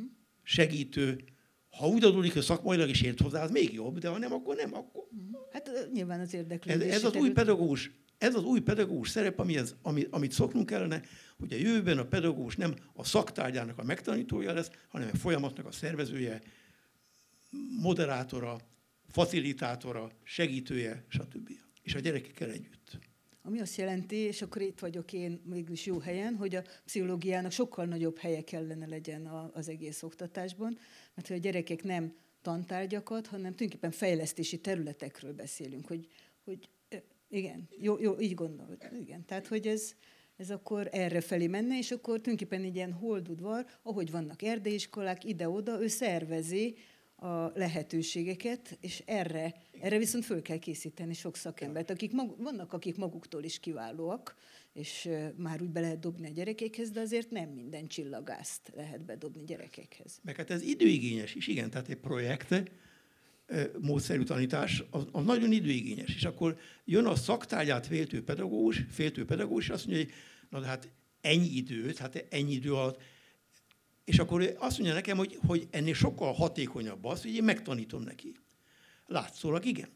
Csak hogy arról van szó, hogy, hogy tudjuk, hogy látszólag igen, de tudjuk, hogy a, a prelegálás, tehát az, hogy én megtanítok valamit a gyereknek, elmondom az órán, plenárisan, frontális módon, az nagyon rövid időt igényel, az kevés időt igényel, de semmi haszna nincsen. Illetve hát nagyon kevés haszna van. Tehát ezt pontosan tudjuk, hogy amit a tanár elmond az órán, annak a töredéke az, ami a gyerekek fejében megmarad. Ráadásul unokáim, mert 14 van, unokáim állandóan beszámolnak arról, hogy, Érdekelt. hogy nem, nem az iskolában tanultam meg. Hát az iskolában, hát az 10 perc alatt meg lehetett volna tanulni azt, amit a 45 percen keresztül tanított a tanár. Tehát a, a, az iskolában töltött idő óriási hányadra az, az, az smafu, az semmi. Tehát, tehát azon kívül a vizsgálatok kimutatják, hogy amit a tanár elmondott, annak töredéke maradt csak meg. Tehát amit márciusban elmondott a tanár történelem órán, abból tanév végére ma, megmarad körülbelül az 50%-a. Szeptemberre megmarad a 20%-a, a 10%-a. Tehát becsapjuk önmagunkat azzal, hogy de elmondani, elmagyarázni, én csak el tudom neki magyarázni, igen, de az elmagyarázás az nagyon, időig, nagyon időspóroló, de nem hatékony. És hát, Tessék mérlegelni. András, mondod? Vagy csak hogy ezt meg, annyiban meg tudom erősíteni, hogy a magántanulóknál azt találtuk, hogy a nagyon okos gyerek az egy óra alatt megcsinálja a napi anyagot, a, a kevésbé okos az mondjuk két-három órát is küzd vele aznap, hogyha iskolában lenne, akkor, akkor annyit töltött volna ott, és akkor itt lenne majd egy, jó, András még, mondjad, hogy helyhez. Mondjad. Csak mert, hogy ennek kapcsán azért behoznék, most már viszonylag kevés időnk van, de azért, azért ez még bele kell, hogy férjen valahogy, és nem lehet kihagyni, itt vagyunk 21. században. Ráadásul az Európai Uniónak most van egy direktívája a digitális technikáknak, egyáltalán a digitális világnak az iskolába való belekerülése. És hát itt az, hogy megtanulja egy órát, hát általában, mit mondjak, a gyerekek hamarabb megnézik a, a neten a, azt az információt, amit a tanár éppen magyaráz. Mire elmagyarázza, ő már megnézte azt képeken, mit, már mindent tud, és ellenőrizte is, hogy a tanár jól mondja, és ki is tudja javítani, mert így dobja ki neki a keresőgép az információt. Most ez csak egy, egy kis része, de hogy, hogy 21. században oktatásról nem beszélhetünk úgy, hogy nem gondolkodunk a digitális világról, az infokommunikációs világról, hogy ezt, ezt hogy lehet, mert egyelőre ezzel rohadtul semmit. Hát persze nagyon jól megcsináltuk ezt a távoktatást, meg digitális, de hát ez is, ugye a pedagógusok visszajelezték, hogy igen, megcsináltuk, meg hát elvitték valahogy szülők, pedagógusok. De hogy ezt hogy látjátok, hogy, hogy e, ez, ez hol kerül bele, vagy hogy, mert hogy a, a, a gyerekek, fiatalok, sőt mi is használjuk információ szerzésre, tudás szerzésre. Hát én a tudásomnak egy igen nagy részét mostanában a netről szerzem. Tehát, hogy azért ezt, ezt, ezt nem lehet kihagyni a jövőről való gondolkodásban, hogy itt egy csomó, e, e, ebben milyen gondolatotok van, hogy mégis mit csináljunk ezzel az egésszel, hogy hol kerül ez be Mondja. Nekem az a gondolatom, hogy ez nem egy akkora varázslat, mint ahogy most itt hozzánk. Ez, persze.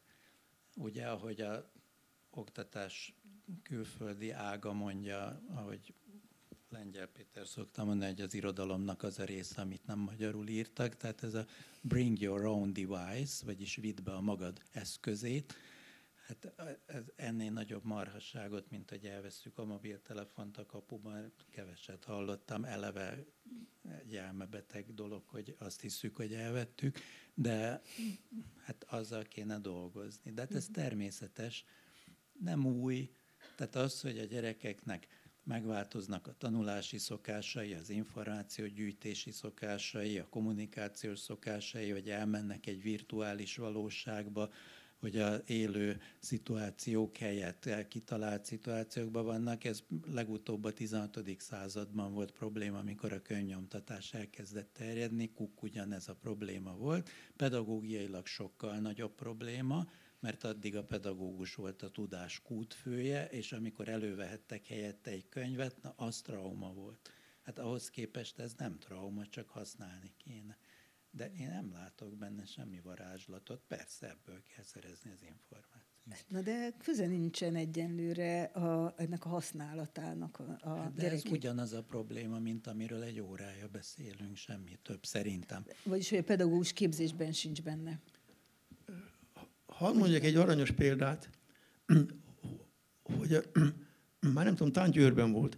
Egy magyar tanár a hetedikes gyerekeknek, amikor Petőfit tanítják, azt a feladatot adta, hogy készítsétek el Petőfi Sándor Facebook oldalát. Már kitalált, kitalált Facebook oldalát. És kaptak rá egy hónapot. Most ahhoz, hogy Petőfi Sándor Facebook oldalát megcsinálja, ahhoz neki százával el kellett olvasni a Petőfi verseket, betéve tudnia kellett azt, hogy Petőfi kikkel tartott kapcsolatot, és kikkel levelezett, mert neki a kommenteket is oda kellett varázsolni arra a honlapra. Tehát azt mondta, hogy ez alatt, az egy hónap alatt ő Petőfi szakértővé vált, csak, csak pedig játszott a mobiltelefonján, vagy a, vagy a számítógépén. Stb. Tehát, vagy most egy, egy pedagógus egy tervet készített arra, hogy, hogy ő hogyan fog a holddal foglalkozni, hogy a hold működését, vagy mozgását hogyan fogja a gyerekeknek megtanítani. És akkor erre, letöltött egy applikációt a mobiltelefonra, amit éjszaka ki kell tenni egy állványra, megfelelő dőlésszögben, be kell kapcsolni ilyen meg olyan, olyan kamerát benne, és akkor, és akkor mondom neki, de ezt, és ezt a gyerekek értik, azt mondja, kiválóan. Kiválóan. Ezt a nyolcadikos gyerek simán megcsinálja. Tehát azt mondja, hogy igen, erről van szó, amit Zoli is mondott, hogy ez nem csoda dolog, ezt csak okosan kell használni. De azért azt tudnunk kell, hogy minden új eszközzel vissza is lehet élni. Tehát amikor, tehát amikor, amikor kitalálták a, a, a könyvnyomtatást, akkor hát azért lássuk be töredelmesen, hogy amit ma könyvként nyomtatnak, vagy ami ma nyomtatott újságosnál, ami a nyomtatott anyagként megjelenik, annak a 80-90%-a nem értékes. Tehát nem tanultunk meg jól együtt élni a nyomtatással. Ugyanez volt a televízióval is. Mindenki bámulta a televíziót. Az egy fantasztikus új lehetőség, nem tanultunk meg vele igazán jól élni. Jól, jól használni. És sajnos, a, sajnos az elektronikus kultúrával is így van, hogy egy csomó, csomó dologban vissza lehet élni vele. Lehet vele rosszul élni is. Nagyon rosszul is lehet vele élni. De ettől még fantasztikus lehetőség. Ahogy Zoli mondja, szerintem természetesnek kellene tartani, és megtanulni jól használni. Mhm. Tehát a Róma és Júlia e-mailben is kipróbálhatjuk, hogy hogy működik. Tehát, hogy ez teljesen természetes. Na de mégse ez van. Hát nem. Miért nem? Hát azért, mert fent emlegetett Mari néninek nem Nincs áll kézre ez a cucc. Hát egyszerűen azért. Tehát az van, és akkor itt megint Zoltánra kell utalnom, hogy hát majd elmegy nyugdíjba a Mari néni, aztán jön valaki, aki jobban tudja. Addig meg, amíg, addig meg, amíg ez nem így van, addig meg ott van a gyerek, aki jobban tudja, aztán majd segít Mari néninek. Aztán ennyi. Aha. Tehát a Na. feladatokat, azokat akárhogy találjuk ki, fogalmazzuk meg. Tényleg nem lehet azt mondani, hogy tedd le a kütyüdet, gyermekem. Hát nincs más megoldás azt mondanom, hogy na most vedd elő a kütyüdet, fiam, és akkor végre előveheti, és akkor lehet azzal keresni a neten, és akkor lehet mondani, hogy na, akkor ő mit talált, tud ellenőrizni, tud feladatot, mindent tud. Egy fontos, hogy nem szabad megtiltani neki a kütyüjét, és nem azért, mert ez pedagogice nem helyes, hanem azért, mert gyakorlatilag lehetetlen. Tehát akkor parancsolja minden reggel a napnak, hogy keljen fel, és akkor mindig nekem engedelmeskedik. Ez bizony az a helyzet, nincs mese. Mondjad, András. Csak a rendkedvéért jelzem, hogy, hogy van egy probléma, amiről nem beszéltünk. Tehát e, ezek a roppant kreatív szituációk, amelyekben a, a saját kreativitásukra rátalált gyerekek, akik a mobiltelefont is maguktól rögtön jóra használják. Szóval van ez a világ, hogy vajon ebbe a világba belefére, és ez így ezekbe a reformpedagógiai elképzelésekbe belefér az, hogy gyerekeknek egy nem jelentéktelen százaléka egy egészen más szociális környezetből jön, és hogy vajon lehet-e, lehet-e együtt nevelni, és egy azon módszerekkel egy iskola rendszerben eredményt elérni azokkal a gyerekekkel, akiknek már ma is megoldhatatlan nehézséget okoz a legigénytelenebb pedagóg, legalacsonyabb pedagógiai követelmény, meg azokkal a gyerekekkel, akik halálba unják magukat az iskolában, mert annyival túl lennének ezen. Tehát, hogy vajon ezzel a reformpedagógiával, ami nyilván sokkal több egyéni választási lehetőség, ezzel rögtön megoldódik? Ez a kérdés is? Hát, hogyha nem gondolkozunk évfolyamokban, mint itt a zöld kakasnál, mert Hát én mindig fölhozom példának Nagy József 1980-ban is leírta, hogy ha veszünk x számú hat éves gyereket, közöttük öt és fél év különbség van. Leföl két-három év. Tehát ez is egy mitosz, már, nagyon, már 80-as év, most már végképp a gyerekek között a különbségek egyre nőnek, tehát, hogy régen el kellene felejtenünk nyilván ezt a, az évfolyamot, és akkor e, ebben mindenféle bejött, és te itt valami olyasmit is mondtál, ami ezzel is összevág, az, hogy, hogy partner hogy ki a tanár, ki a nem. Tehát, hogy a társak tudják egymást tanítani, a gyerek, a tanárt, a tanár, a gyerek, tehát, hogy, hogy ez a partneri viszony. Én, én érzek egy ilyen, ami azért már túlmegy azon talán már a szülőknek is egy nagy feladat, hogy partnerként kezelni, hogy olyan világ még nem volt, mikor a gyerekek közül egy csomóan többet tudnak bizonyos területeken, mint a felnőttek. Tehát azért ez az oktatásnak egy hatalmas kihívás, és lehet, hogy ez, ez dönti porba az egészet, hogy, hogy hát úgy csinálunk, mint hogyha ha mi tudnánk a tutit még mindig, pedig hát mi tudjuk, de úgy, hogy a mi, az, az, az sokkal többet beveszünk. Tehát ez a partneri viszony, amit te itt vedzeget, hogy segíti a diák is a, a tanárt, persze meg a tanár is a diákot, és a különböző életkorok hogy egymást is tudják segíteni, mert közelebb áll a gondolkodás, stb. Tehát, hogy ez, azt gondolom, itt van egy ilyen, pont a digitális világ elhozta azt a, a, a kapcsolatot, amit azt gondoltuk, hogy a digitális világ az, az keresztbe tesz, de lehet, hogy még több kapcsolatot hozott? Vagy hogy, hogy néz ki ez? Bocsánat, és akkor, akkor majd mindjárt abba hagyom a folyamatos dumát, csak hogy az a helyzet, hogy hogy annyira fontos, amit mondtál. Egy, hogy egy, egy elit gimnáziumban tanító kolléganő mondta, hogy hát kolléganő mondta, egyes szem első személy. Hát én azért elég jól ismerem a tantárgyamat, szóval átútszetik, tényleg tudok róla mindent. Bemegyek a gyerekekhez, mindegyik okos, mint a nap. És akkor ilyen nagyon kedves elnézéssel elfogadják tőlem, hogy nekem ez a heppem, hát mit csináljon? Hogy úgy csinálok, hogy tanítok. Igen, tehát hogy ez jó, hát itt ugrál, hogy mit tud, mindegy, és akkor mivel okosak, meg helyesek, hát megtanulják a kedvéért. De azért nem az a világ. Szóval, hogy a Kati néni kedvéért megtanulják. De hogy mi a világ, az azon kívül van valahol. Ez az egyik. Viszont ami mégis nagyon fontos, hogy a Kati néni kedvéért. Tehát ami viszont azt hiszem, hogy minden változhat, de hogy az az egész azon alapul, hogy kapcsolatban vagyunk egymással, hogy bízunk egymásban, és ne adj Isten, jó nekünk együtt lenni. Azért gyűlünk össze, mert mi szeretünk együtt lenni. Ez, ez nem fog változni, és ez az, az, amin alapul az egész. Az összes többi változhat. András?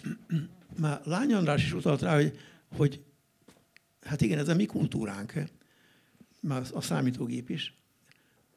És mit, mit kezd vele a, a tisztaháti ember?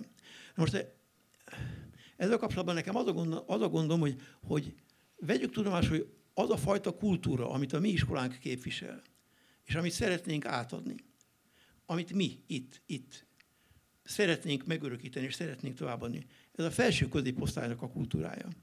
Ezt lássuk be töredelmesen, hogy, hogy, hogy bármilyen szomorú, de Magyarország lakosságának a háromnegyede nem ebben a kultúrában él, ami, ami, amit mi most szeretnénk továbbadni.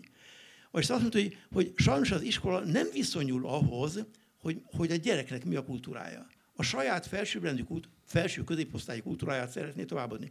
Most eszem ágáma sincs azt mondani, hogy igazodnunk kellene a felső tisztháti munkanélküli vagy a nyolckeres utcán csatagoló gyerek kultúrájához, de viszonyulni kellene hozzá. Valahogy viszonyulni kellene hozzá, azt gondolom. Zoltán. Én azt válaszolnám Lányi Andrásnak, hogy az az iskola, amiről mi most itt öt óra óta beszélünk, ez alkalmas arra, hogy viszonyuljon ezekhez a gyerekekhez. Ezt tapasztalatból is mondom, mert hogy ez nem arról szól, hogy ez nem arról szól, hogy a felső középosztály ezer éves kultúráját a fejükre öntjük, hanem viszonyul. nem arról szól, hogy erdei iskola, hogy lekvárfőzés, mert ilyesmik jelentek meg, amihez azért még talán erdőháton is közük Mondjuk van. Ezt, ezt szívesen értelmezem úgy, hogy ma az iskolába bemegy száz tehetséges gyerek, mert minden gyerek tehetséges, és néhány éven belül marad belőlük 10 tehetséges, és 30 közepes és 60 tehetségtelen, aki frusztrálódik és kudarcuk éri.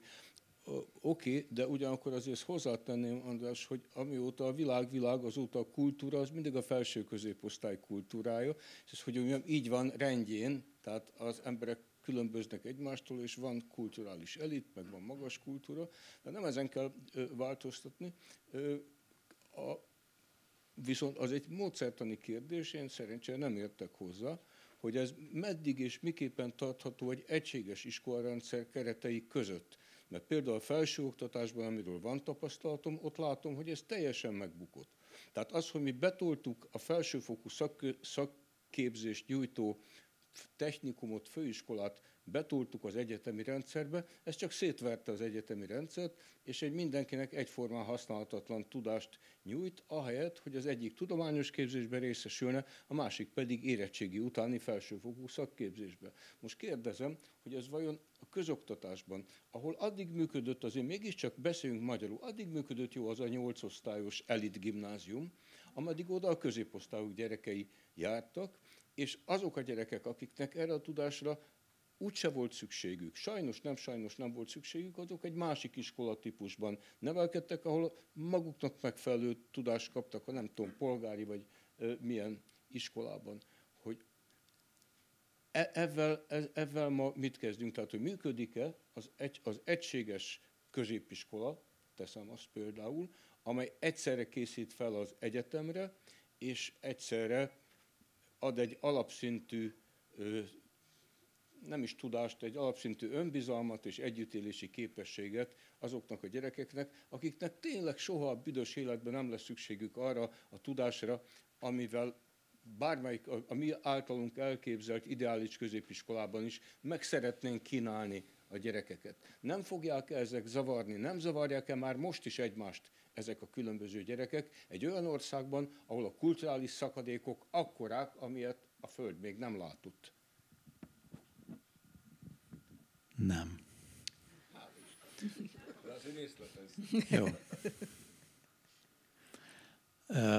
Vannak a pedagógiában olyan toposzok, amikről néhány évtizedet tudjuk, amióta ilyen big data alapon működünk, és amióta elhisszük a GPS-nek, hogy bármilyen logikátlan nem az M3-ason kell ma Miskolcra menni. Tehát ma már sajnos a logikának néha vannak határai. Vannak olyan dolgok, például az, hogy azt hiszük, hogy egy négyfős csoportba könnyebben lehet nyelvet tanulni, mint egy 15 fősbe, amiről tudjuk, hogy nem így van. Nem azért, mert logikus, hanem mert nem így van. Az a helyzet, hogy ma már tudjuk azt, hogy egy olyan osztályban, ahol együtt járnak a tiszahátiak és a ötödik kerületiek, ott mind a kettő jobban megtanulja a matekot. Vannak rá magyarázatok, de ha nem lenne, akkor is így lenne. 10 millió adat biztos. És mind a kettő az a vicc. Tehát nem csak a rosszabbnak tesz jót. Biztos. Nem, nem. De az is biztos, hogy mindenkit nem fog a középiskola felkészíteni arra, hogy 18 évesen mikrobiológus legyen. És az is biztos, hogy az egyetemnek valamilyen szinten jogos elvárása, hogy ne nullával érkezzenek oda a gyerekek. Tehát ez csak akkor képzelhető el, ha megvan a rendszerben az a szabadság, hogy én ezt nem akarom mindenkinek biztosítani. De egyébként egy ilyen fajta iskola, amiről beszélünk, ez otthont ad mind, a, mind az egész spektrumnak, és boldog tud lenni, és életképes tud lenni, nem mikrobiológus, azt belátom. és úgy érzem, hogy akkor szépen megtettük azt a kört, hogy visszaértünk a szabadsághoz, amiben ugye a bizalom ott van, és a keretek. Tehát, hogy valamiféle keretet adunk, ami minél szélesebb, nagy szabadságot ad, és bízunk a pedagógusban, bízunk a gyerekben, a szülőben, hogy egyáltalán meg hát talán a pedagógus képzőkben is lehet majd előbb-utóbb bízni. Tehát, hogy ez a sokféleség, ez most ez egyenlőre igen kaotikusnak tűnik, de, de azért vannak ilyen, ilyen alappontok nekem, amiket itt fölhoztunk, és én közben keményen mértem az időt, és jól látom, hogy ideje, hogy egy, kitágítsuk a beszélgetést, hogy amiket itt összehortunk, nekem, nekem nagyon tetszett, tehát hogy annyi minden elvaratlan szál maradt, mert hogy hát ezt nem oldottuk meg az egészet, hogy szerintem bőven bele lehet kapaszkodni ezekbe, és lehet keresni az ellentmondásokat azokban a gondolatokban, amiket itt fölvetettünk, kérdéseket, megoldási lehetőségeket, bármit, hogyha